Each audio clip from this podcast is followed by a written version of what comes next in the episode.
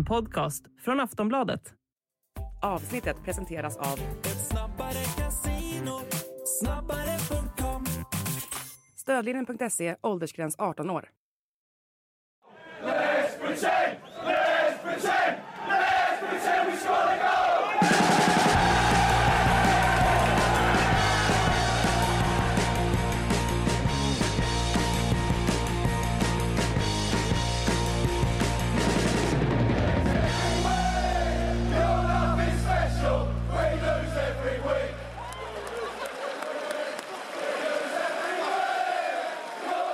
Sportbladets Premier League-podd. Vi har en vecka kvar av Premier League-spel innan vi tar eh, semester, innan vi tar sommar eh, med den här ligan och ja, den där andra säsongen eh, drar igång. Vi har fått en hel del svar under helgen för hur den här tabellen kommer se ut, åtminstone eh, på många intressanta positioner.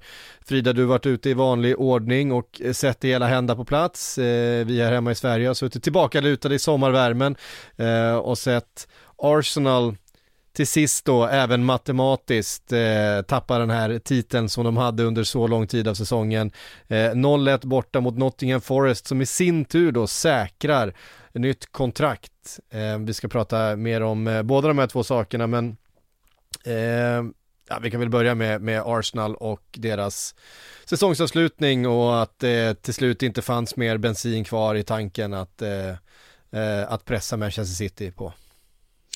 Nej, det fanns ju en anledning till att jag innan Forest-matchen började skriva på mitt mästartyck kring eh, Manchester City. För jag tyckte det kändes som att det mycket väl kan bli så att Forest som är väldigt formstarka kan möjligtvis få med sig någonting mot Arsenal som såg väldigt utslaget ut efter förlusten mot Brighton. Det var ju som att all luft hade, hade tryckts ur dem. Mm. Och eh, jag tänkte att det nog kan bli så att de inte orkar rent mentalt, att de inte har så mycket att spela för. Jo, det är klart att det finns en ligatitel att spela för, men det kändes som att de redan insåg att de hade förlorat den. Eh, och det är ju precis så det blir. Det är ju ett eh, misstag där från Ödegård, eller en felpass, vilket är... Ja, jag, tycker det är lite hårt mot honom för att Martin Ödegård har haft en sån otroligt fin säsong, men det blir ju lite symptomatiskt också för Arsenal och hur de i stort sett har gett bort det nu på slutet. Att de inte har kunnat vara som bäst när det, när det gäller som mest. Och det var väl det Aaron Ramsdale pratade om efter matchen också att det är det de är mest besvikna över, att de ändå hade det i egna händer. De låg ju i topp, tabelltopp, längst av alla lag någonsin utan att vinna titeln. De slog eh, Newcastles rekord där från mitten av 90-talet var det väl. Så att, ja, nej, ett, ett hårt slut för, för Arsenal men en fantastisk dag för Forest och stämningen där inne på City Ground. Alltså det, man fick gåshud genom tvn till och med. Eh, det var nog en, eh, en fantastisk dag för alla de supportrarna och inte minst för Steve Cooper som jag har haft en väldigt speciell säsong med väldigt många nya spelare in. Men eh, de redde ut det till slut trots allt. Ja, de gjorde det och de gjorde det väldigt mycket tack, mycket tack vare en viss eh, nu ska vi se, Avoni. Avoni, det är så lätt att, att slinta på alla de där vokalerna. Nej, men det, det vi säger Awoni, säger man här. Awoni. Ja, men det är också eh, England. Ja, han är ju från Nigeria så att eh, kanske ett, eh, ett, någon slags engelskt uttal. Men har ju engelskt förflutet när han spelade i Liverpool som ung och så Absolut. vidare också. Men eh, det är ju lite, jag vet inte vad om det talande man ska kalla det, att det är Ja det var väl Nottinghams första av uh, eh, 123 nyförvärv de gjorde, Avoni. Han kom ju väldigt tidigt på fönstret. Kostade en ganska rejäl slant från uh, Union Berlin efter öst in mål där. Skadad, hade problem att ta sig in i laget i början men har ju betalat tillbaka nu på slutet framförallt. Nio mål totalt i Premier League och det som ska sägas är att åtta av de nio målen har varit direkt poängavgörande. Mm. Uh, fem av dessa, om jag, om jag räknar rätt nu, gav väl eh, också segrar i det. Så att äh, det har ju varit eh, skillnaden för dem helt enkelt. Och det, det är väl fint att de lyckas med just det där nyförvärvet som var tänkt att leda anfallet som de gjorde först men som sen följdes på med ja, ett, två, tre, fyra, fem anfallsnyförvärv till. Ja. Eh, så att, eh, nej, skönt att se för Forest fans säkert att han betalar tillbaka och, och visat sin kvalitet också. Det är jättefint mål han gör dessutom. Ja, Awoni och Gibbs White som ju var den andra, den, det dyraste den, den, nyförvärvet. Det dyraste ja. nyförvärvet är ju den som, som leder vägen här och han, han har ju fått den där rollen lite grann om man tänker ett Eh, ja men lite som, som Grealish var i Aston Villa en gång i tiden, som eh, James Madison har varit för Leicester i perioder. Han har ju fri lejd, ja, rakt men, av, gör vad du vill. Ja men den där, den där fria rollen, offensivt mittfält, mittemellan, mittfält och anfall som skapar så mycket oreda.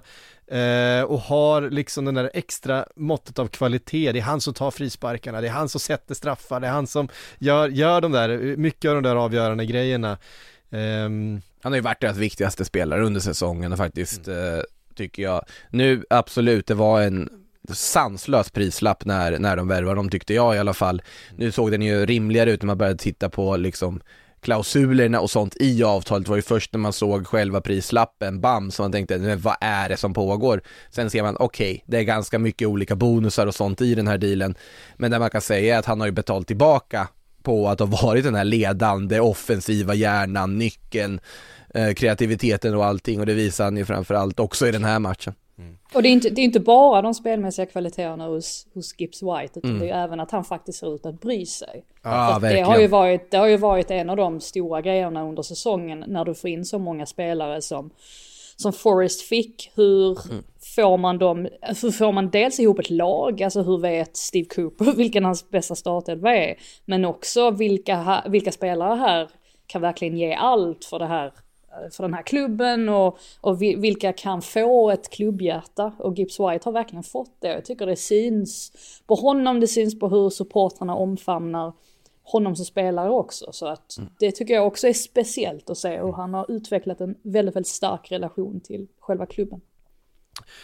Vi måste prata om Steve Cooper, du, var, du nämnde honom Frida, han har haft en, eh, en speciell säsong, var på väg ut i vintras, eh, Forrest fattade beslutet då att nej, vi, vi eh, väljer förtroende ehm, eh, för Steve Cooper och det har ju betalat sig. Nu eh, sägs det ju att Steve Cooper själv kanske inte är helt nöjd med hur Nottinghams ledning fungerar, har fungerat. Det kom uppgifter om att Crystal Palace ska ha hört sig för. Hur, hur rankar vi Steve Cooper efter den här säsongen Frida? Ja, det är ju väldigt speciellt för Steve Cooper hade ju, hans aktier var väldigt, eh, eh, väldigt höga, eller hans kapital var väldigt högt från början hos supporterna för, på grund av sättet som han kom in i Forest och han tog dem till Premier League mot alla odds egentligen. Så att, att Steve Cooper står högt i kurs hos supporterna det, det råder det ingen tvekan om.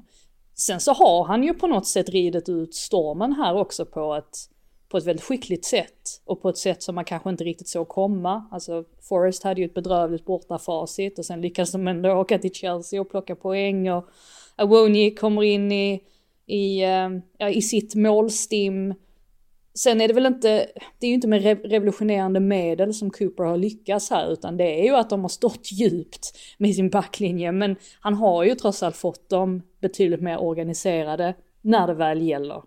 Så att allt som allt så har han gjort ett bra jobb. Jag menar att Forest hänger kvar i Premier League, de är trots allt nykomling, så det får man se som en, som en stor framgång.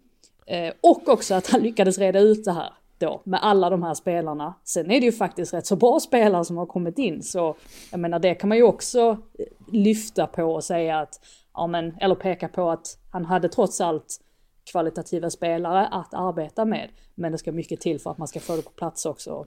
Det har han ju onekligen fått.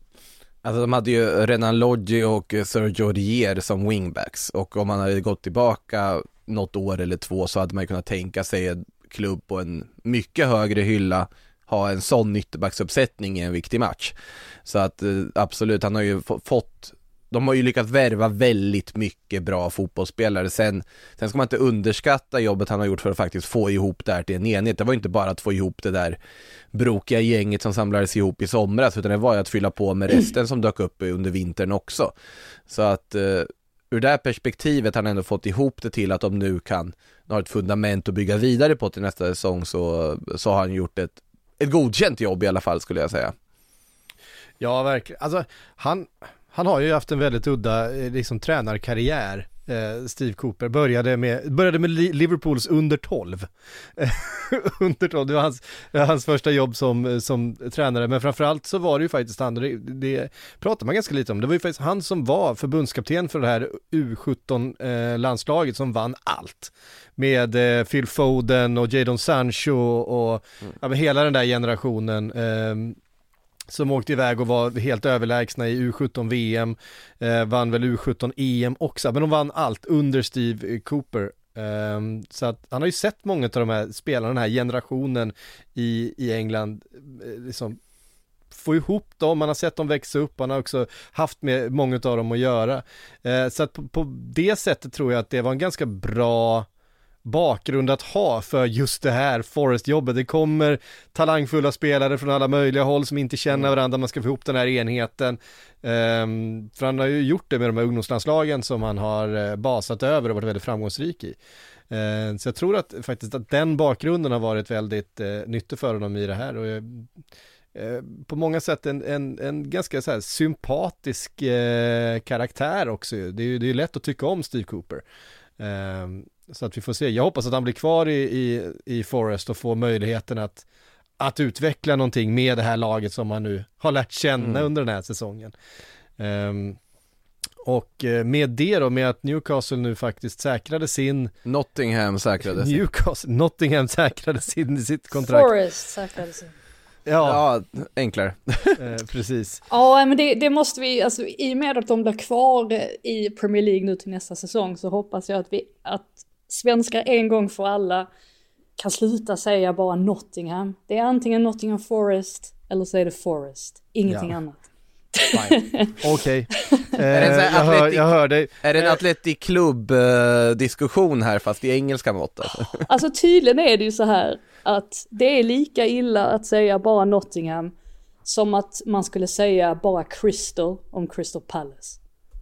Och det är inte ah, jag okay. som har, det är inte jag som har bestämt detta. Det, är, det kommer liksom, det är förstahandskälla från engelsmän. Så att, ja, Nottingham är ju dock en stad också liksom, vilket ju Crystal, Är, är, är det som att kalla Bournemouth för Bompan? Ja, men det är ju lite som, vi har ju haft samma, det har ju funnits samma diskussion till, kring Sheffield också ju. Alltså man ja. säger ju inte bara Sheffield, man måste säga Sheffield United. Men där har du ju ändå Sheffield. två. Där har du ju två lag. Jo, men du har ju Notts County och Nottingham Forest. Ah. Ja. Jo. Ska inte förringa Notts här. Nej nej nej, det, jag, jag är helt, helt säker på att du har rätt.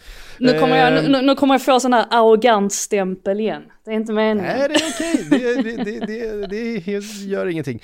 Um, Arsenal får blicka framåt mot nästa säsong. Det var ju inget, det var, det var ju inte mycket kvar att spela för i den här matchen. Det är inte så att Manchester City hade rasat ihop och tappat de här poängen till, till Arsenal sista, sista omgångarna här. Det var väl ingen som kände. Jag tycker lite synd om, alltså Arsenal för att vi har varit inne på det förut. Det går inte att stirra sig blind på kollapsen. De har gjort en otrolig säsong sett till vad vi alla väntar oss av dem. De ska vara otroligt nöjda med vad de har åstadkommit den här säsongen. Det här fallet som alla väntade på, det kom mycket senare än vad, eh, vad vi trodde. Men att det ändå på något sätt slutar i att de, ja för att, för att använda slang, bottlade det som, som, som liksom narrativet på något sätt blir nu. Ja, de, tapp, de hade ledningen rekordlänge utan att vinna.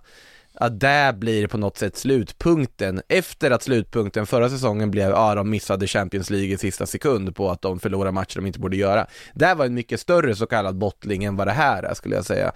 Men eh, alltså, man måste ju se det som över 38 omgångar och konstatera att de överdrevat alla former av förväntningar. Slutpunkten och summeringen av den här säsongen för Arsenal kan inte bli, är de tappade ligaguldet och bottlar det igen, klassiskt Arsenal. Det, det, det liksom det förtjänar mer än att få den stämpeln som att det här var någon sorts klassisk Arsenal-fiasko. Jag tror inte man ska se det utifrån en, eh, en missad eh, titel här. De kommer Nej. skrapa ihop, vinner de sista matchen här nu så får de 84 poäng.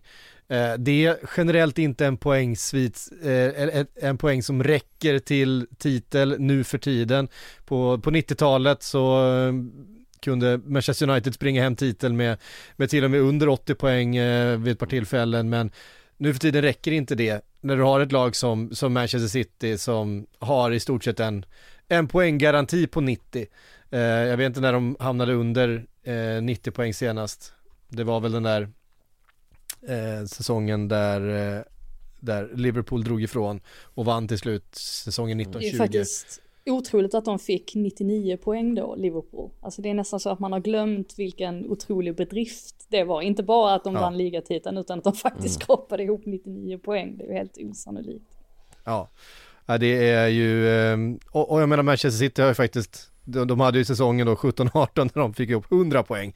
Mm. Eh, så att det, det, det krävs ju, alltså Eh, vi måste komma ihåg att det är nästan omöjligt att vinna den här ligan för något annat lag än Manchester City i det skicket som det ser ut just nu. Eh, och det gör ju att vi lägger en till ligatitel till Manchester City, grattis Manchester City får vi säga, de slog Chelsea, de hade inte haft behövt göra det för de var redan klara eh, ligavinnare eh, före den matchen hade spelats, alltså mästare i kavaj med två omgångar kvar. Eh, och ja, det är ju svårt att få speciellt mycket puls av ett till, en till ligatitel för Manchester City när de är så överlägsna som de är. Ehm, de spelar på många sätt med andra eh, förutsättningar än alla andra lag i ligan. Eh, det är förutsättningar som också, vi får nämna det att det, det, det, det finns... se hur många de får behålla. Ja, det hänger en asterisk över även den här ligatiteln med tanke på de anklagelserna som finns. Det är 115 punkter eh, som de står anklagade för och Eh, jag tror inte att de kommer bli av med några titlar men det, det, det, det hänger över eh, de här framgångarna. Det ska inte eh, ta sig från att spelarna på planen är extremt bra. Managern som står vid sidan, Pep Guardiola, är extremt bra. Där pratar vi några av de bästa som någonsin har spelat och, och tränat i den här ligan. Det är inget snack om saken. Det är, det är den tredje raka titeln de tar, den sjätte på sju år, är det så?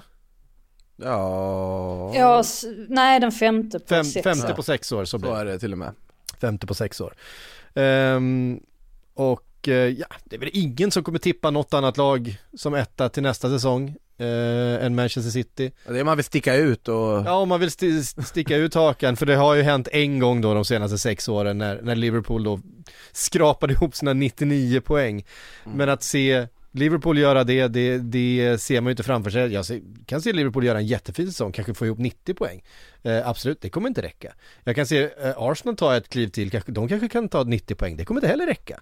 Eller Manchester United, eh, kanske rent av Newcastle eh, efter investeringar. Men Manchester City är ett eget, ett eget djur i den här eh, ligan just nu och det tar lite eh, tjusningen eh, från det faktiskt. Ja, alltså, det man måste komma ihåg också är ju att Man City har ju inte haft en spikrak säsong. Det är inte så Verkligen att inte. allting har gått med dem hela tiden. Alltså om man minns tillbaka till förlusten hemma mot Brentford så så att man ju tänkte att oj, men City är mänskligt trots allt. Vilket gör att man blir ännu mer imponerad av Pep Guardiola för att han är ju en sån där tränare som ständigt förnyar sig. Han är ju mm. precis som Alex Ferguson egentligen, just i det här att han inser Verkligen. att man kan inte fortsätta i samma hjulspår varenda säsong utan man måste konstant utveckla sig själv och utveckla laget framförallt och sitt spelsystem och det är det Pep verkligen har gjort. Och en av de grejerna som han gjorde väldigt tidigt, eller man såg ju spår av att han ville göra det här väldigt tidigt eftersom att han Ehm. ja men just det här med att han ville ha en extra man på centralt mittfält, att han testade lite olika varianter, att han satte eh, han lät Rodri ha en sån flytande roll mellan backlinje och, och centralt mittfält, men det fungerade, fungerade inte riktigt. Och sen så landar han då i att låta John Stones istället kliva upp från mittback till centralt mittfält och så fick han det här blocket då som har gjort att de har kunnat vara så framgångsrika som de har varit. Det har tagit lite tid för honom att få in Erling Haaland också i spelsystemet, alltså Verkligen. på det sättet som vi har sett nu under våren. Det är en helt annan Haaland nu jämfört med i hans första match för säsongen.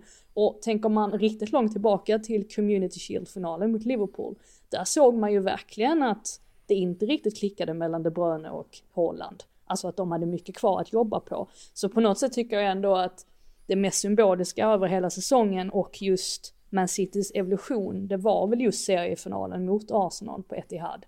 För att helt plötsligt så såg man Haaland vara betydligt mer involverad på ett sätt som vi inte hade sett tidigare. Och Just det här att han spelar fram till De Bruyne två gånger, att vara ombytta roller.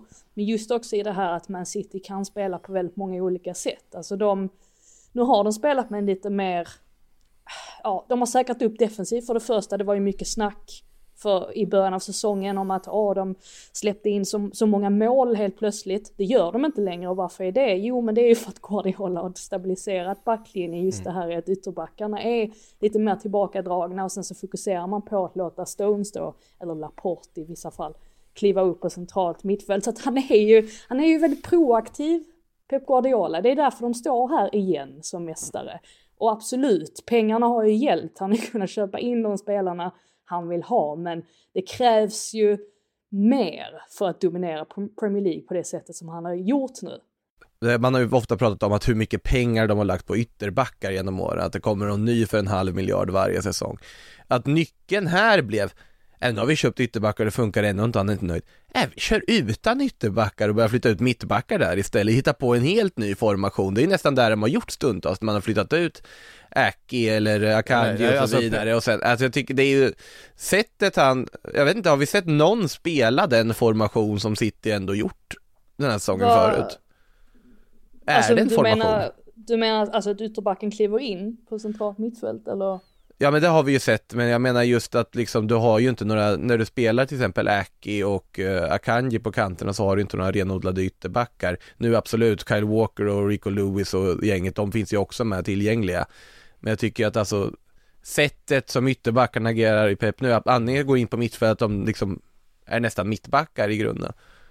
Om du förstår vad jag menar Ja, ja precis, alltså, grejen var ju att han, han släppte ju Cancelo av en anledning, eller han lät Ja. honom gå av en anledning. Och det var ju för att Alltså Cancelos egenskaper passade ju inte in längre i det Nej. systemet som han ville spela. Men alltså om man ser till vänsterback är väl i så fall det, alltså Nathan Aki har gjort ett jättebra jobb där och har ju varit Ja, ja.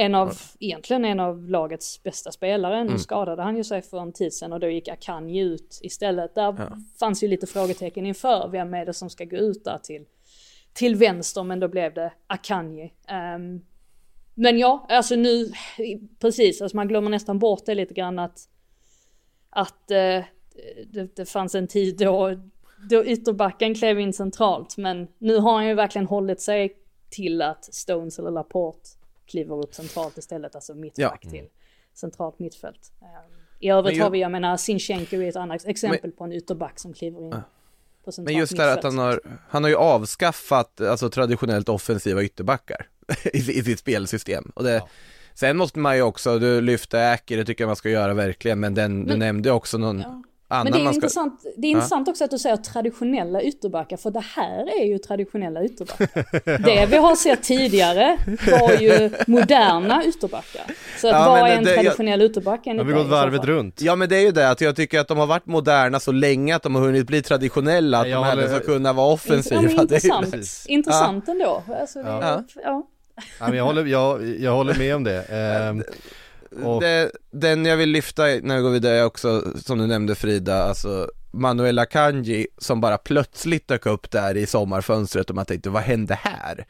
Eh, värvad för liksom symbolisk summa mer eller mindre, kommit in och varit, ja, gjort det han ska konstant, eh, varit hur trygg som helst, spelat otroligt mycket mer än man trodde, man trodde han skulle vara femte mittback eller något, har ju spelat väldigt mycket och gjort det väldigt bra, det utan tvekan en av de största fynden vi har sett i förra sommarfönstret med facit i hand.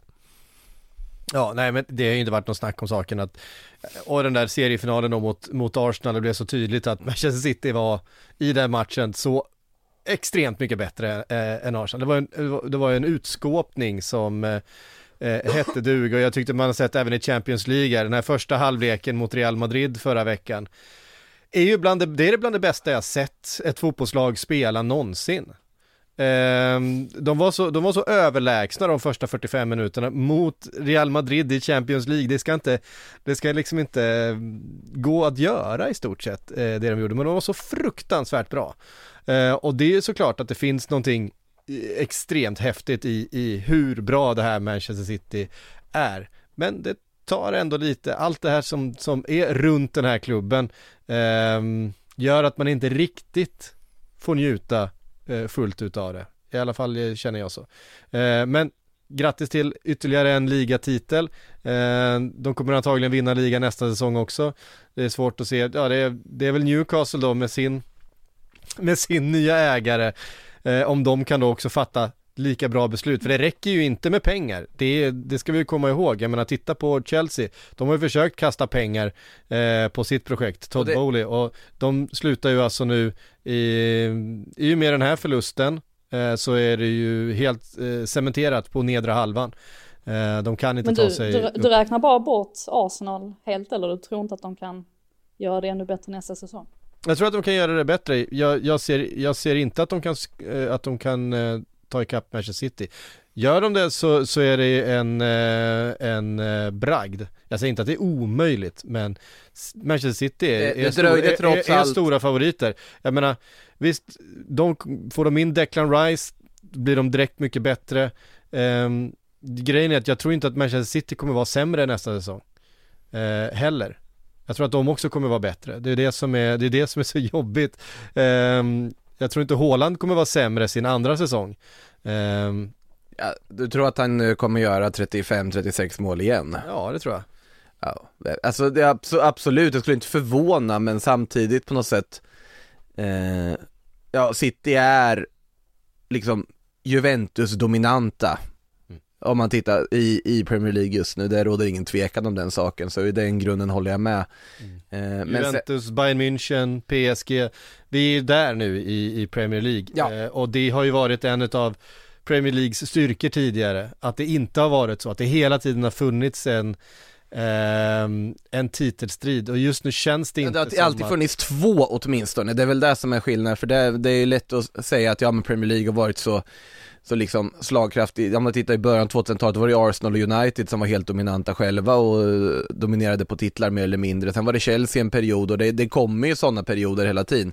City har haft en ganska lång period nu och varit ganska ensam. Liverpool har utmanat, Arsenal utmanar in i det sista den här säsongen. Eh, så jag tror vi... absolut att något annat lag kan vinna titeln, det, det tror jag men Det är klart att det, att det går. Men det är City är ju kan. skyhöga favoriter på förhand, så, så mycket kan man väl säga. Mm. Tror inte man ska underskatta Man United Verkligen inte. Det känns som att de är ett par spelare ifrån att också vara riktigt slagkraftiga Men att det mycket väl kan ske liksom. Ja, som Liverpool hittar tillbaka till den formen de hade under slutspurten här under våren så kan de absolut vara med och utmana ännu en gång också. Så att det finns ju lag det finns resurser, det finns kvalitet i ligan. Men, och sen en intressant sak där du pratar om hur mycket man kan njuta av City, jag är lite inne på det, där Frida var inne på där förut också att det, nu, nu är ju det en del av sportswashing och sätt också det jag kommer säga nu, men samtidigt att göra, det går att liksom se briljansen i det Pep Guardiola gör, Abs briljansen absolut, i hur det här fotbollslaget spelar det går att se briljansen i hur Kevin De Bruyne spelar fotboll, briljansen ja. i hur eh, Bernardo Silva tar emot en, alltså det, det är inte mm. eh, eh, ja jag vet inte, men det, det, här är, det, är, det, är, det är ju fotbollsspelare som gör det på planen. Eh, det är 11 mm. mot 11. Eh, det är en tränare mot en annan. Ja. Så, så, är det alltid. Eh, det börjar att Manchester City har den bästa managern i världen.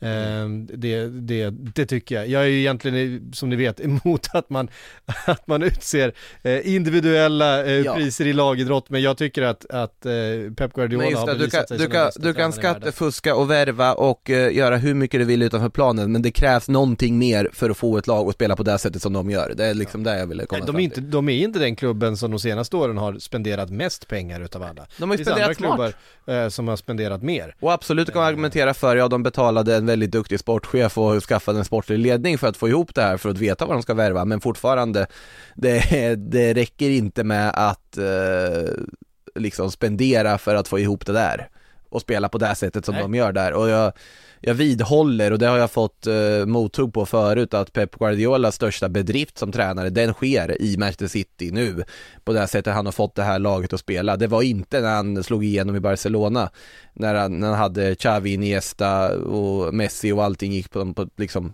på ett snöre. Här har han fått liksom bygga det ur grunden på något sätt och förvandlat det här laget till något, ja alldeles extra.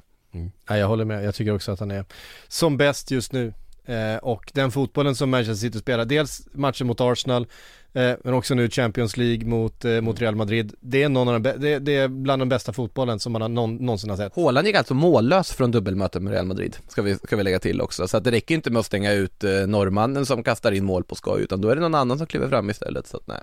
Ja. Sen får man kanske bara flika in också att det är ju lättare när du har så mycket pengar och när man som Man City spenderade så mycket pengar, särskilt i början.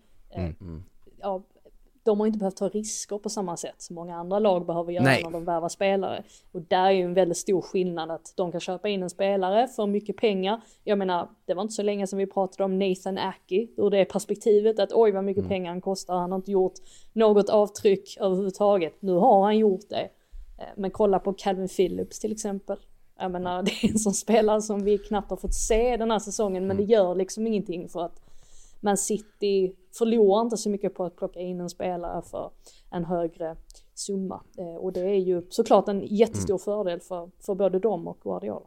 De har också råd att när en spelare säger nej jag vill inte ha det här rotationssystemet och pepperouletten och mer så kan de säga ja dörren är där. Eh, vi löser en övergångssumma och så får du lämna. Det, det är inte många klubbar som har den ekonomiska lyxen heller, att bara kunna göra så. Nej, jag menar, Julian, Julian Alvarez eh, värvades in liksom utan att det pratades så mycket om det. Eh, han kostar inte så mycket pengar dock, men eh, han har egentligen bara stått på tillväxt, kommit in, gjort lite, lite mål här och där. Det en... Sen var han iväg och vann VM med eh, ja, om de tar trippel nu har han ju vunnit allt som går att vinna på riktigt. Han har ju vunnit allt som går att vinna i Sydamerika, han har vunnit allt som går att vinna på landslagsnivå och han har kanske snart vunnit allt som går att vinna på europeisk klubblagsnivå också men ja han måste väl ha nästa säsong med lite klubblags han måste, ha, han måste väl ha ligacupen då, det är den han saknar. Ja det, det, är, det är sanslöst och det är Eh, och det är ju så här, vi pratar om att Manchester City har haft en lite trasslig säsong och det har inte alltid stämt och Guardiola får la, fått laborera lite grann och det har varit lite eh, sådär och ett nytt spelsystem. De vinner ändå ligan med 10 poäng. Trots att vi har ett, ett Arsenal som, som gör sin bästa säsong på, jag vet inte hur länge som helst. Eh, så så är det, så är det. Eh, grattis Manchester City ändå. Eh, fantastisk, fa fantastisk höjd i det här laget, även om eh, det inte varit riktigt samma, riktigt, riktigt samma eh, lägsta nivå kanske den här säsongen som vi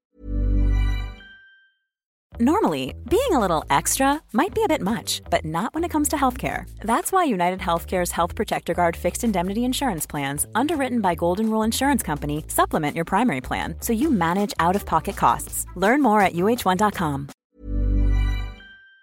Vi är vana vid. Eh, titeln avgjord, det är även avgjort runt eh, Champions League-strecket, topp 4. Eh, Casemiro cykelsparkade hem tre poäng för Manchester United mot Bournemouth samtidigt som Liverpool tappade poäng hemma mot Aston Villa i en match som handlade mer kanske om avskeden, eh, Firmino, James Milner i första hand, i lite mindre utsträckning kanske Oxlade Chamberlain och Naby Keita. eh, även om Klopp ja, var, försökte. Försö ja, försökte. Det, men det var inte dem han nämnde, Klopp. Han, stod, han blev ju väldigt rörd när han fick en fråga om Firmino, så la han ju till, ja det är lika jobbigt att Milner försvinner. Men jag hörde ingenting om de andra. Nej, och det var lite pliktskyldigt inför och det, alltså man, man vet ju att det är också så här att eh, både Firmino och eh, James Milner var ju spelare som fanns i, i eh, truppen när Klopp kom dit.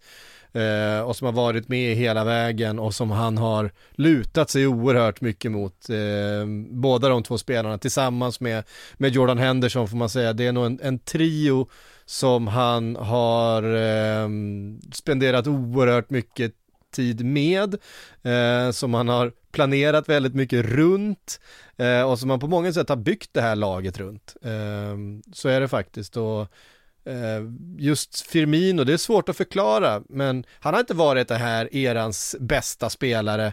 Han har varit jättebra, jättenyttig, helt unik i sina egenskaper. Men han har varit den här erans mest älskade spelare av läktarna, av eh, supportrar runt om i världen. Det är svårt att förklara det bandet som, eh, som han utan att egentligen varit speciellt framträdande i så mycket intervjuer, han har inte gjort så mycket runt, det har varit det på planen och det där leendet, men det är någonting med, med Roberto Firmino och eh, Liverpool som bara har funkat under de här, ja vad blir det, åtta åren han har spelat i, i klubben. Eh, och det var oerhört känslomässigt efteråt och mycket tårar. Eh, både från hans sida och från människor runt omkring och från läktarna eh, när han nu spelade sin sista match på Anfield. Och att han fick avgöra eh, med ett mål att han fick eh, rädda den här poängen även om den inte blir så, så viktig i slutändan kanske men eh, den betydde mycket för honom och den betydde mycket för, för matchen och för hela inramningen. Vad tycker du som Liverpool-supporter om eh, Villas dark arts? Det här med att de, vad säger man? Att de, eh, eh men gud vad säger man på svenska? Att time wasting? Ja, alltså maskade. Maskade? Maskade. ja. Nej men det, det, har ju varit en, det har ju varit ett hot topic, eh, inte bara den här matchen utan i många, många sammanhang senaste eh, månaderna, i och för sig över väldigt lång tid. Um, de gjorde ja, det. Fast det, det, det är Newcastle som har gnällt på det när de själva också har gjort det i vissa Ja, jo, så, så, är det ju. Ja, men vi såg ju hur under VM att, att eh, Fifa försökte på något sätt etablera någon slags ny eh, paradigm runt eh, tilläggstid och så vidare. Vi fick väl en sån tilläggstid där också, det kanske fanns andra anledningar till att det var tio minuter där men. Ja. Jo, det var nog det. Ja, Klopp, tyckte att, eh, Klopp tyckte att det skulle ha varit 15, men så många tilläggsminuter har jag aldrig sett. Nej, men det han sa var att, eh, ja men 10 minuter var nog bra, men eh, under de 10 minuterna så borde det lagts, eller efter de 10 minuterna borde det lagts till 5 minuter till för att det bara maskades och lågs ner och eh, gjordes byten under halva den, den eh, extra tiden, så ja. Um, och det kan vara bra, men sa samtidigt jag menar till, till Villa också på ett sätt, jag menar ja de, de åker till Anfield, det är klart att de måste göra allting för att plocka poäng där och jag kan förstå att det är jättefrustrerande som spelare eh, i motsatt lag och supporter och så vidare. Men eh, jag tycker att Villa ändå gör en, de gör ändå en bra insats här, får med sig en jätteviktig poäng och de har ju också fortfarande chans på Europa, får man inte förglömma heller. Så Nej, var, de har ju något att spela för i slutspurten. Om det var någon som skulle om det var någon som skulle plocka poäng på Anfield mot Liverpool så var det väl Unai Emery. Det är jag inte så jätteförvånad Nej, och, och det, och det eh, eh, är ju precis, det, det, är sånt han gör. Han är en otroligt skicklig matchcoach verkligen. Och ta fram en matchplan för att utnyttja eh, motståndares svagheter. Det har ju varit eh, Unai Emery och det pratade ju Klopp om inför också. Han hyllade ju Emery stort inför den här matchen Eh, för hans eh, förmåga och det det som stör mig mer än att det går tid och att det inte läggs till mycket tid. Det som stör mig mer och som jag tror är mer syftet med så som Aston Villa gjorde, det var att när Liverpool väl fick upp en rytm, när de väl fick trycket och det blev, du vet, stämning på läktaren, eh, vinner alla andra bollar, eh, de kommer in i sin rytm Ja men det är då man lägger sig ner och sen så går det två minuter och sen så har Liverpool helt plötsligt tappat sin rytm. Därför att då har det varit, man har lagt ner, man har skickat iväg bollen, man har kanske delat ut en ful stämpling och man har lagt sig själv ner och det har varit en huvudskada. Och sen så har de där tre, fyra minuterna gått och rytmen är liksom över och motståndaren får börja om igen. Eh, det är ju mer, tror jag, var eh, snarare än att man maskade för att få tiden att gå så mycket som möjligt. Eh, det tror jag eh, var mer frustrerande, eller det tyckte jag var mer frustrerande för att Aston Villa var jättebra i första halvlek och, och det bättre laget i första och leder ju helt rättvist. Jag menar man hade en straff som som ja. man sköt utanför. Vad är det här med att slå straffar utanför? Alltså det... Olly Watkins som ju har varit kanske en av ligans absolut bästa anfallare tycker jag, han har ju tappat formen helt sista, sista månaderna. Han har checkat ut. Ja, det eh, känns verkligen så. Det, det, han, han, fick ingenting att stämma. Förra, förra mötet, lagen emellan, var han ju nästan, kändes han nästan ostoppbar. Um... Skulle Tyron Mings fått checka ut tidigt tycker ni? Ja, alltså det var en, eh, en ganska ful stämpling där. Eh, ganska och, hög äh, fot. Ganska, ja, och märkena i, i Gakpos bröst efteråt eh, visade att det var, fanns lite tryck bakom. Eh, var väl, jag vet det, det är en intressant situation här också, nu ska vi inte fastna i domslut och sånt, men eh, offside-målet också var ju ganska mm. liksom intressant situation. Jag tolkar det i alla fall som att man anser att eh, det är en styrning och att det inte är en medveten passning fram till van Dijk där från Villa-spelaren. Ja, det är, inte, det är inte en medveten touch, han, ja, han sträcker sig inte efter bollen på något sätt eller rör sig mot den utan ja. det är som en, räknas som en styrning. En väldigt svår situation dock för domarna att eh, ja. hantera ändå. Det är ju alltid problematiskt när offside, offside som ska vara svart eller vitt blir en tolkningsfråga. Mm. Eh, och här blir det en tolkningsfråga och den hade nog kunnat tolkas på, på två sätt och jag tror att frågar du två olika domare så hade de kanske gjort olika och VAR hade ju tydligen sagt till domaren också att vi kan inte ta det här beslutet, du får ta det här beslutet. Eh, vi kan inte avgöra utan eh, det var ju huvuddomaren som, som tog det och det, det, sånt kan ju gå emot eller gå med. Eh, så är det, det var ju synd för Liverpool den här gången. Sen är det inte säkert att det hade betytt någonting heller. Eh, Liverpool är ju fortfarande, var ju fortfarande, även vid tre poäng hade de ju varit beroende av att Manchester, United hade tappat poäng i, i matcherna som de har kvar, vilket jag inte tror att de kommer göra. Alltså måste, eh. måste ju, du nämnde den i förbifarten, men om man, om man går till Vitality Stadium där, alltså mm. Casemiro det är så fint att se nu när liksom är Premier League-publiken, det har man ju upplevt under säsongen också ska säga, att han har gjort lite mål och varit framme. Men att han är så mycket mer än bara den här defensiva murbräckan, han är en han är ju en brasse. Han är ju en brasse. det, nej men det är en, alltså en, få spelare jag tycker i världen som är så otroligt kompletta som Casemiro, som kan allt. Mm. På det sättet Casemiro kan. På tal om dark art så är det någonting som han bemästrar till fullo dessutom, men också så här Alltså skottet han har men också tekniken som är otroligt underskattad hos honom. Var fint att han fick visa eh, visa ett stycke av den där väldigt fina tekniken han har i, i den här matchen och fixa den där segern för United. Ja, jag har aldrig, var... aldrig, hör, aldrig hört en tränare hylla en spelare så ingående och nämna så många exempel på vad han är bra på som Ten Hag gjorde kring Casemiro efter matchen. alltså jag tror han nämnde 15 grejer som han är riktigt bra på. Då var det allt från att han är, ja han är så eh, organiserad på planen, hans positionering, eh, hans tålamod, eh, hur han bryter boll och vinner tillbaka bollen, eh, vinner tacklingar, kämpa, hålla ihop laget och då plus att han även är bra på att distribuera bollen, eh, passningar, han bara fortsatte och fortsatte, tog aldrig slut. Så jag tyckte Nej. att det, det var väl eh, ganska talande för mm. att Casemiro är en rätt så bra spelare. Han kunde sagt 15 grejer till. Mm. Minst. Nej, men han, är, han är helt otrolig och utan Casemiro den här säsongen eh, så hade ju Ten Hags första säsong sett annorlunda ut tror jag ja. för, för Manchester United så är det bara. Eh, jag tror också att Champions League-semifinalen hade kunnat se annorlunda ut om eh, Casemiro inte hade gått in United, det är en annan sak, men det, det är också vem vet? Möjligt. Det är också mycket möjligt. David de eh. Gea, Golden Glove-vinnare också, kan man ju skjuta in. Just det, mm. flest hållna nollor eh, i ett Manchester United som defensivt har sett riktigt, riktigt stabilt ut och en Victor Nilsson Lindelöf som har spelat in sig i den här startelvan igen. Um, Dessvärre på lånad tid med tanke på att Lisandro Martinez kommer ju och spela när han är frisk igen. Ja. Eh, det är ju det som är frågan. Och Sen... final först, får hoppas att han får spela den. Mm. Mm. Det är en väldigt, eh, han har haft en väldigt, väldigt fin vår i alla fall, eh, Viktor, och eh, varit förtjänt av alla de hyllningar som han har fått från bland annat den här, men av många runt Manchester United senaste tiden. Han är, så har det ju inte alltid varit för honom eh, under den här tiden. Det har ju varit eh, ehm, ofta han fick ju ta kläskulden när när brittiska journalister drog sig för att kritisera Harry Maguire i början, eh, då var det ofta eh, Victor Nilsson Lindelöf som var syndabocken, trots att folk kanske utanför öarna tyckte att eh, det var hugget som stucket vem som skulle ha den här kritiken. Eh, Maguire känns inte som att han ingår i eh, Ten Hags långsiktiga planer. Eller vad säger du Frida? Nej, eh, det gör han ju inte. Och jag tror väl också lite grann att om man är som Harry Maguire och eh, har en given plats i, eh, i Englands startelva så vill man ju gärna få regelbunden speltid också. Så att jag kan inte tänka mig att han är nöjd med att sitta på bänken. Så att, um, ja, vi får väl se vad som händer här i, i sommar.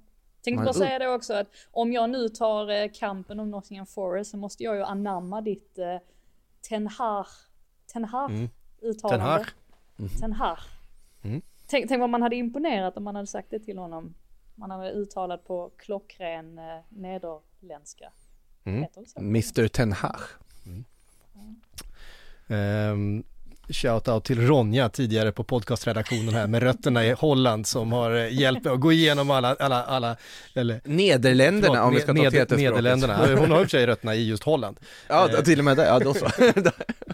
Um, Eh, men Ten Hag ska det vara, absolut. Eh, vi tar oss ner till bottensträckan då, för där lever det fortfarande och det var, det var, det var svajigt på många håll eh, i de här matcherna. Leeds hade 1-0 mot West Ham vid läget, så hade, satte nog Everton-supportrar med hjärtat i halsgropen med tanke på att de bara fick 1-1 och det var ju verkligen med matchens sista spark som överhuvudtaget fick en poäng där. Jeremina. Jeremina av alla, i vad jag tror var enda, an, alltså enda liksom målchansen de hade under hela matchen Everton. Så fick de det där krysset. Eh, vart vill ni börja? Molinö, Molinö eller i London? Kan väl ta Molinö, alltså man får ju ändå säga ja. att för att vara Everton-supporter idag, du måste ju nästan ha en hjärtstartare för att det är, är det inte så här jämnt? ja, det känns, det har ju känts som att det bara varit sån jävla ångest och eh, och, och ett krig för varenda centimeter den här säsongen för Everton. Ja, de hade ju inte det lätt heller. Daesh hade ju inte det lätt. Spelare föll ju som flugor. Det var först Patterson som fick kliva av och sen var det Calvert Lewin. Då mm. står han där och har inte så mycket kvar längre. Nej.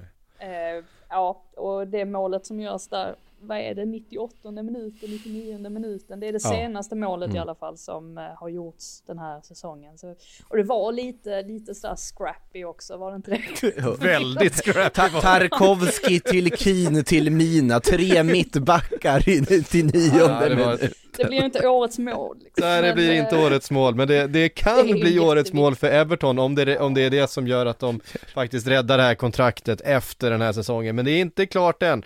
Um, är det så att, uh, att Leicester går och vinner ikväll till exempel? Um, det gör de väl dock inte, eller? Nej, jag Svårt att se det. Alltså jag är genuint orolig för Leicester, nu, nu ska man vara genuint orolig för alla de där tre som är där nere med tanke på att det är två av dem som ryker, men eh, vi har suttit hela säsongen och sagt Leicester klarar sig, de, de kommer steppa upp, de kommer steppa upp, nej det verkar de nog inte göra. Men jag tror, alltså sett till Leeds då så tror jag att det är, ett ganska dåligt tecken när Allardyce känner att det enda han har kvar att göra det är att såga spelarna totalt på sin presskonferens. Vilket han gjorde. Och det är väl på något sätt ytterligare ett sätt att få igång dem nu inför sista omgången. Men eh, nej, jag tror inte att han, jag tror han själv känner också att det här blir väldigt svårt. Visst, Tottenham är inte, de är allt annat än formstarka, men de har inte det i egna händer. Och Everton möter trots allt Bournemouth så att, mm. ja, det är ju fördel Everton i alla fall. Ja, ett Bournemouth som är på stranden dessutom. Eh, hemma i Bournemouth. Eh, nej, alltså om, om, om Everton tappar det här, om de inte löser poäng eh, och eh, Leeds vinner sin, sin match där på något sätt mot, mot Tottenham, då, då, då river de Goodison tror jag. Alltså det... Eh... Det gör ju ingenting eftersom att de har en ny Nej, arena de har en ny arena på gång, ja precis. Eh, Sparar en slant på, på rivningsarbetet, nej. Men... Ja, det, är, det, är, ja, det är oerhört mycket ångest inför sista omgången här och jag vet inte, alltså jag vill ju så gärna att Leicester ska slå eh, Newcastle, nu kommer, inte för att, inte för att eh, det har med Liverpool att göra och för att de har ju sån målskillnad att det Liverpool kan inte ta ikapp dem ändå. Men eh, man vill ha den där, man vill ha flera lag inblandade sista omgången till helgen eh, och följa den där ångesten eh, där nere. Är det Ja herregud ja vilken, uh, vilken slutomgång det där blir. Det är också vilka lag det är vi pratar om. Det är liksom, det är Everton, det är Leicester, det är Leeds, det är, det är liksom sådana institutioner i, i, i Premier League-fotbollen. Alltså det, det lag som skulle må, egentligen, och det här är tabubelagt att säga, på något sätt som jag känner mest skulle behöva en bara riva upp allt, starta om, alltså sätta sig i den liksom mörka verkligheten som är att åka ur det här. Så är det på något sätt Everton. För att det är så mycket som inte funkat under så många år och vi har pratat år efter år efter år om ja, när vi, pratade, vi, pratade, vi, vi, pratade pengar tidigare och att kasta pengar. Everton är alltså ett av lagen som spenderat mest pengar i hela Europa de senaste tio åren. Eh, jag tror att de är topp tio ja. av, av, klubbar ja. som har spenderat, alltså net spend. Och de har eh, det här. De, de sitter med det här, de sitter i ett läge mm. där det är Tarkovski till Keen till Jeremina i minut 99 borta mot ett semestrande Wolves. Mm. Och de har en trupp som vi har sagt är för svag hela säsongen. Vi går år efter år efter år och säger att ja, men de ska inte vara så här dåliga sett i förutsättningarna. Men de kanske bara behöver bara riva upp allt och starta om. Och på något sätt, ja, nu är det ju liksom, det här är ju tre klubbar som alla på något sätt hör hemma i Premier League, så är det ju givetvis tycker jag, men är för Evertons del kanske de som absolut mest behöver bara en total reboot rakt av. Tänk att det bara är, vad är det, tre år sedan Ancelotti tränade dem. Och ansåg slut, men det gör han väl igen nu ja. uh, nej, det är det, jag tycker det på något sätt så förtjänar de att överleva ännu en gång.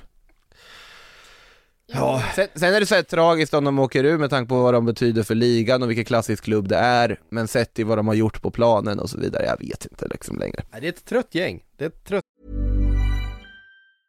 As a person with a very deep voice, I'm hired all the time for advertising campaigns. But a deep voice doesn't sell B2B, and advertising on the wrong platform doesn't sell B2B either. That's why if you're a B2B marketer, you should use LinkedIn ads. LinkedIn has the targeting capabilities to help you reach the world's largest professional audience. That's right, over 70 million decision makers all in one place. All the big wigs, then medium wigs, also small wigs who are on the path to becoming big wigs. Okay, that's enough about wigs. LinkedIn ads allows you to focus on getting your B2B message to the right people. So, does that mean you should use ads on LinkedIn instead of hiring me, the man with the deepest voice in the world? Yes. Yes, it does. Get started today and see why LinkedIn is the place to be to be. We'll even give you a $100 credit on your next campaign. Go to linkedin.com slash results to claim your credit. That's linkedin.com slash results. Terms and conditions apply.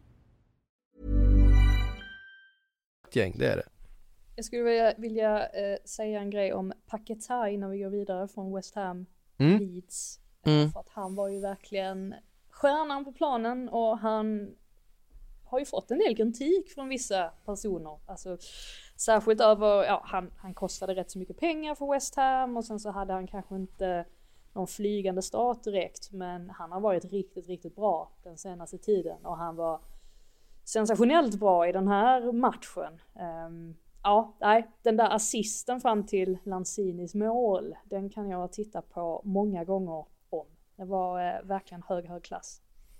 Ja men det, det känns ibland som folk inte har förstått vilken, alltså så här, alltså marquee signing det där var när de gjorde den i somras. Det här var en spelare som absolut man inte ens kunde tänka sig går till en klubb som inte spelar Champions League. Så bra var han i, i uh, ligan så att nej, det är kul att se att han uh, börjar få visa sina kvaliteter måste man säga verkligen. Att, för det, det, det vet man att han har. Mm. Kan ja, ju ha varit Declan Rice sista match också på mm. Stadium. Det såg ju nästan ut som att han, eh, han tackade av fansen mm. där när han drog in målet. Det lär väl ha varit det va? Det, ja, det, ja. Jag är rätt säker på att det är det. Eh, men också eh, inte hans sista framträdande för de har ju eh, en stor viktig match kvar West Ham den här Väldigt säsongen. Eh, vi kan väl säga någonting om Conference League semifinalen i torsdags eh, mot AZ Alkmaar där, eh, där West Ham gjorde en riktig David Moyes-insats och spikade igen bakåt eh, med allt vad man kunde och lyckades peta in en, ett segermål till slut också. Eh, var det Fornals, eller vem var det som gjorde mål på, ja. på övertiden där? Eh, men det är såklart enormt stort för West Ham att vara framme i den här finalen. Den första, den första Europa, eh, Europaspelsfinalen de är i på 40 år. Ehm, Denna, denna kupp som skapades för de mindre nationerna att få slå igenom och eh, sola sig i den europeiska glansen där då alltså Fiorentina och West Ham ska ta sig an varandra i final. Men det betyder jättemycket för Ja, West Ham. ja verkligen. det är enormt mycket. Ja men det var väl till och med, fanns väl seriösa diskussioner bland West Ham-fans vad som prioriterades, klara kontraktet eller vinna en Europatitel. Eh, det betyder ju extremt mycket. Även för Fiorentina ska ju sägas. Ja, gud ja. Ja, men eh, så är det verkligen. Jag menar, vi måste komma ihåg att Visst, West Ham och Fiorentina, det är stora fotbollsklubbar, det är traditionsrika eh, föreningar som har haft jättemycket fina spelare. Eh, men de är inte, de, de har inte speciellt mycket titlar att, att, att visa upp under de senaste decennierna. Och det, det eh, att få möjligheten att faktiskt vinna någonting betyder så extremt mycket för, eh, för supportrar och för en, för en eh, klubb och West Ham har ju en bra möjlighet här och jag skulle väl ändå hålla dem som, som favoriter i den här finalen mot Fiorentina. Håller ni med mig? Nej, det är så svårt att säga. Också så här, eh, jävla tråkigt ställe att spela på. Liksom, visst, Prag är, är fint, men vad var det? 20 000 platser på, på läktaren och de fick 3 000 platser var eller något sånt där. 4 000. Ja men det var helt sjukt liksom. Ehm, jag menar, det är jätteklubbar det här.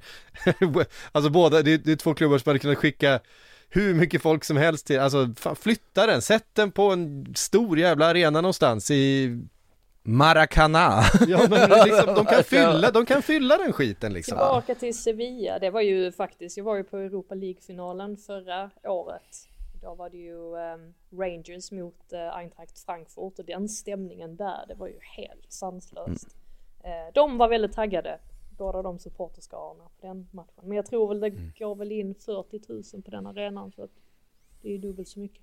Vilken, vilken var, var det på Pichuan eller på Cartuja eller Benito Villamarin? Ramon Sanchez Ja Pizjuan. just det, det var där finalen var ja.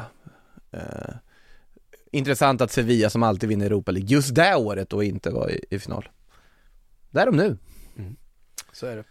Eh, Det spelades lite andra matcher också som mer av, av akademisk eh, betydelse eh, som vi kan strunta i. Alltså just nu. Brighton var väl inte akademisk betydelse ändå. Nej det är sant, Brighton har ju faktiskt någonting att spela för. Ehm, Tottenham vet jag inte, det beror på vad man anser om Conference League, de där var av akademisk betydelse att de föll igen här nu och kanske till och med missar just Conference League beroende på vad som händer i slutomgången. Ja, det är ju Eh. aldrig bra att hamna utanför Europaplatserna. Alltså, Totalt det i ju, alla fall, nej. nej. Nej, det är Nej, ju Brent- haveri där. Ja, ja men det är verkligen, alltså det, det är på tal om ett lag som behöver starta om. Eh, Spurs. Mm. eh, frågan är vem de ska göra det med.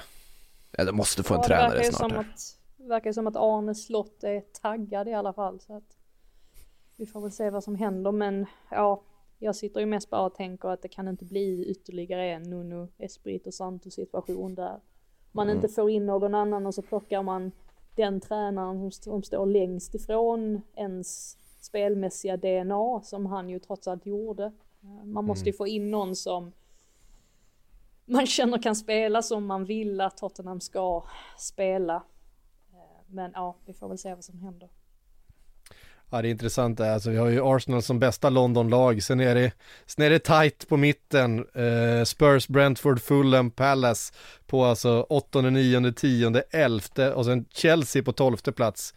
Um, Och då möter Brentford ett eh, bakfullt Manchester City, det är väl säkert, ja Man har ingen aning vad Pep Guardiola kommer ställa upp med i det. Det har aldrig varit så liksom så här stort frågetecken inför vad det kommer vara för startelva den matchen. Kommer han vilja liksom matcha sina det bästa var ju typ spelare? ett B-lag han vann mot Chelsea med nu i, Ja, i, igår. ja, det var den bästa bänk man någonsin har sett i princip där i den matchen. Men vad kommer det vara för gäng som man ställer ut mot Brentford?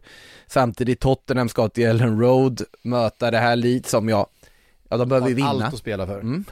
Eh, så att det är inte säkert, Brentford kan mycket väl bli eh, näst, Näst- bästa Londonlag. Londonlag. Ja. Eh, nej men som sagt, Brighton har ju den där sjätteplatsen, Europa League-platsen i, i, i, helt i egna händer. De har ju två matcher kvar att spela dessutom. Eh, Europaplatsen helt säkrad och eh, så gott som säkrat eh, Europa League också med tanke på att jag Ja. 16 måls målskillnad lär väl inte vilja ta in. Sen får man väl säga här också, alltså Kane, nu har ju Kane stått för 42% av Tottenhams mål den här säsongen ja. och han, att han har gjort 27 mål är det väl. Att mm. han har lyckats göra det också under en sån här säsong, det är ju faktiskt, det är faktiskt väldigt bra. Ehm, men vi får väl se vad som händer här med honom. Om det blir så att han stannar eller om han lämnar. Ehm, jag tyckte det var lite kul för att Pontus Jansson satt i BT-studio i lördags inför den här matchen och efter. Och de pratade just om Harry Kane och alla är så förstående mot Kane i det här att han möjligtvis då vill lämna. Eh, alla säger att ah, nej, men det är helt förståeligt om han skulle vilja gå till en annan klubb och försöka vinna titlar. Medan Pontus Jansson är den enda som sitter, det, det får man ju säga, han är ju, han är ju en av de spelarna som har störst klubbhjärta i modern fotboll, det vet alla mm. svenskar. Och han var mm. den enda som tyckte att Kane minsann skulle stanna kvar i Tottenham och bli den största för alltid. Eh, men ja, vi får väl se, får väl se vad som händer där också. Ja, verkligen. Det kändes som att den eh, stora, stora flytten var ju till Manchester City eh, då för två somrar sedan. Ja, det var ju det som var kul också. Ja, för att Ryan Mason fick ju såklart frågor om det här efter matchen. Och då mm. fick han bland annat frågan om Kane, liksom om, om var det så att han, han alltså sa farväl till supportrarna här inne. Och så sa Mason att ja men det trodde ni för två år sedan också. Och då blev han kvar. Men, jag tänkte, men då mm. satt jag och tänkte att jo men Harry Kane ville ju lämna då. Det var ju faktiskt, han, han, gjorde försökte allt han ju in kunde. i det sista. Mm. Ja, och sen blev han kvar till slut. Så att jag ja. vet inte riktigt vad det är det, det stillade nog inte många oroliga Tottenham-supportrar att Ryan Mason sa på det sättet. För jag tycker att det ja, det, alltså sättet han, han säger ju alltid farväl efter sista hemmamatchen, visserligen, men eh, man kunde verkligen inte läsa in vad det är som kunde ske, eller vad, som, vad det är som kan ske här under sommaren, huruvida han stannar eller, eller lämnar. Nej, så är det.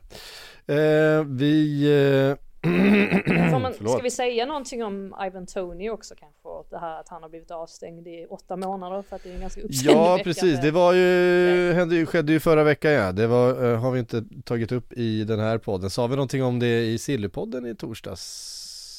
Det var väl då uppgifterna, eller som det beskedet kom. Det gjorde vi nog inte.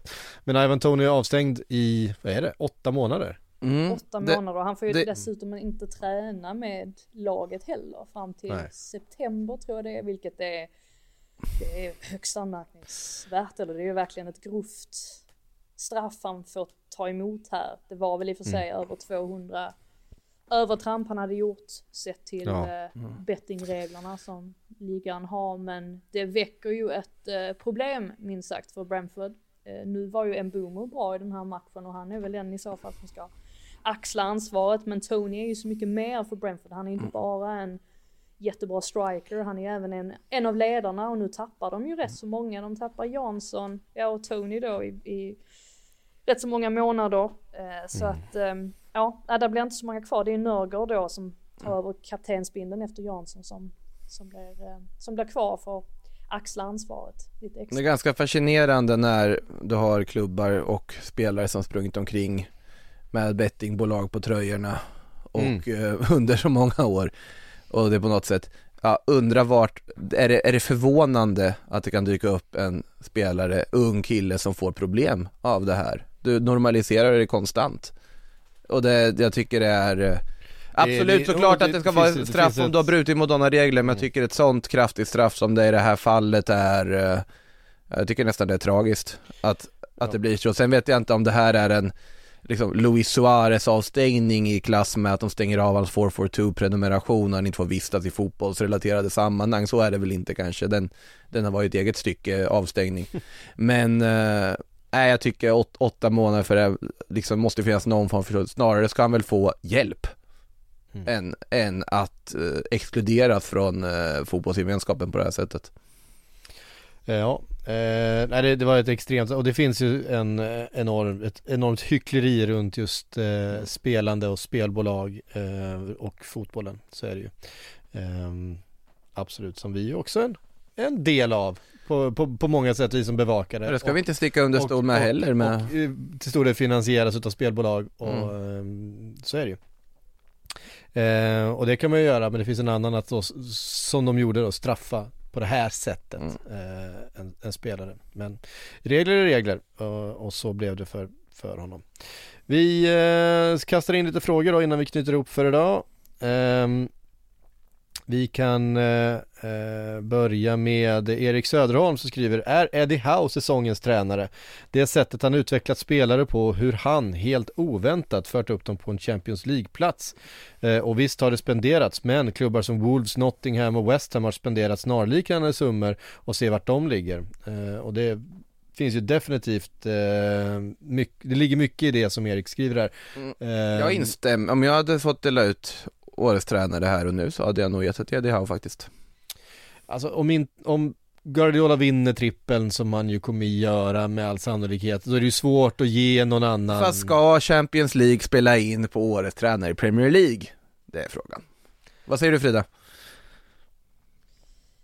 Ja, jag, jag tycker ju det delvis ändå för att mm. trippen är så, det händer så sällan. 1999 mm. är ju senaste gången det hände, Man United mm. givetvis då. Eh, det är en sån pass unik grej att Ja, nu kommer väl den här utmärkelsen delas ut innan Champions League-finalen så att det spelar nog ingen roll egentligen. Och jag tycker mm. att det som är det svåra med just att dela ut pris till årets tränare det är ju att vad, hur ska man värdera det? För jag menar Mikael Arteta har ju gjort ett jättebra jobb i Arsenal också. De har ju den enda klubben som har utmanat Man City på allvar. Om man nu ska ta det så långt. Sen har du Roberto De Cherbi som har fört Brighton till en Europaplats. Du har Unai Emery som kom in och räddade upp hela Aston Villa säsong och de ligger på sjunde plats mm. och kan fortfarande Ja de kan väl egentligen inte ta sig förbi Brighton, det är väl en massa målskillnad. Det är 16 mål.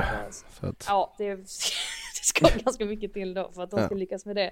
Du har Thomas Frank i Brentford, jag menar att de hamnar på nionde plats är ju också sensationellt. Du har Marco Silva då på tionde plats. Eh, Fulham är ju ett lag som många kanske trodde skulle åka ur. Jag tror att jag hade tippat att de skulle mm. åka ur. Så att det beror ju helt på hur man värderar detta.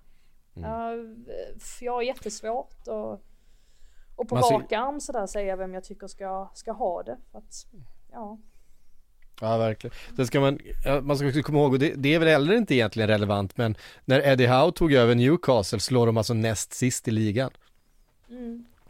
Och som sagt, det har ju gjorts investeringar. Bruno Guimaraes är ju en, eh, en av dem som var en, en och, och Alexander Isak ja, en annan. Han, dy, dyra, dyra liksom spelare köpta från en köpta från en, en, eh, en hylla eller värvade på en hylla som Newcastle inte tidigare har kunnat. Eh, ja. Mm. Ja, men det, det, är några stycken, men det är inte så att de har varit de enda som har spenderat stora pengar. Eh, de har inte gjort men hade Newcastle gjort det Chelsea gjorde förra sommaren till exempel och värva alla spelare som inte ehm, eh, Nottingham Forest hade råd med eh, då, då hade vi pratat om dem på ett annat sätt. Eh, så är det ju, då hade vi pekat mycket mer på att det var investeringarna som gjorde det än... Vi kanske hade pekat på att varför ligger de på tolfte plats precis som alltså, ja. det hade vi också kunnat göra om de hade gjort det, för det där fanns ju ingen rim och reson och tanke bakom, det har vi ju fått bevis på den här säsongen i alla fall. Mm. Chelsea alltså då. Ja, precis, så vi får se om det, om det, det blir mer jag, Om det är någonting jag har tyckt har varit intressant med de här tränarnomineringarna så är det ju att Ten, Ten Hag inte är en av dem, att han inte alls finns med i, i samtalet. Och absolut mm. fine, jag menar, man kan tycka vad man vill om Man Uniteds säsong, men om det är så att de tar en Champions League-plats, eventuellt då hamnar på, på tredje mm. plats framför Newcastle, de har vunnit ligacupen, de kan fortfarande vinna FA-cupen. Det är en rätt hyfsad säsong för dem också med tanke Han ska vara nominerad tycker jag. Jag tycker han ska absolut vara med i diskussionen även om jag förstår om han inte vinner, för jag tycker han har gjort ett, en väldigt bra första säsong i United. Ja, eh, vi kommer prata mer och summera lite längre fram här. Eh, Ta ut ett litet lag kanske också. Ja, men precis. Det, vi, vi, har ju våra PLP Awards eh, lite senare, lite längre fram här i, i, i vår. När allting är said and done. Um, och det är mycket frågor som är vilken är årets det här och det här som har kommit och det tar vi såklart då när säsongen är färdigspelad. Uh, Peter till exempel undrar vilken är säsongens bästa comeback? Ja, förutom Rob Holdings hårfäste. Um, Och det är ju inget som kan slå Rob Holdings hårfäste i årets comeback för att det, det var ju en helt ny människa. Eh, ja, han ser så bra ut nu alltså. Han har gått från, ja, ja nej, det, Han har gått från en femma till en nia. jag kan inte sluta titta på honom. Det är häpnadsväckande. Nej, men, åh, nej, jag ingenting. Jag, jag, efter att ha sett honom så har jag full förståelse för varför killar gör en sån där hårtransplantation. För att det gör ju verkligen enorm skillnad för ens mm. utseende. Mm. Det är ju helt Kom, Kommer Pep Guardiola fira med att ha kalufs efter Champions League-finalen? Nej men han, jag tycker han passar i den. Jo, jo, jag driver bara.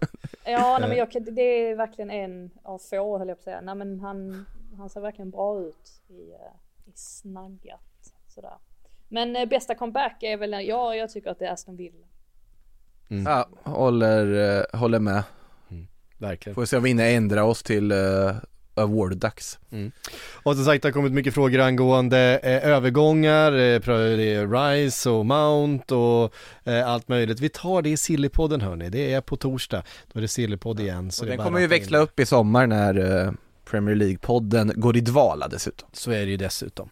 Nej, hörde ni, nu har klockan blivit mycket. Eh, tusen tack alla ni som har lyssnat idag. Eh, vårat sista ordinarie avsnitt då eh, har vi nästa vecka och sen eh, efter det då så får vi vänta in fa Cup-final och sen har vi vår PLP Awards efter det. Så lite kvar av säsongen finns det att eh, tugga i sig såklart. Eh, Sillypodd på torsdag, då kommer vi prata såklart mycket mer om de här spelarna och alla övergångar som nu börjar bli mer eller mindre liksom eh, utkristalliserade eh, när klubbarna har lite mindre att spela för eh, så pratas det lite mer om vilka som ska spela där nästa säsong, så är det ju. Eh, men hörde ni, från oss säger vi tack för den här veckan och på återhörande.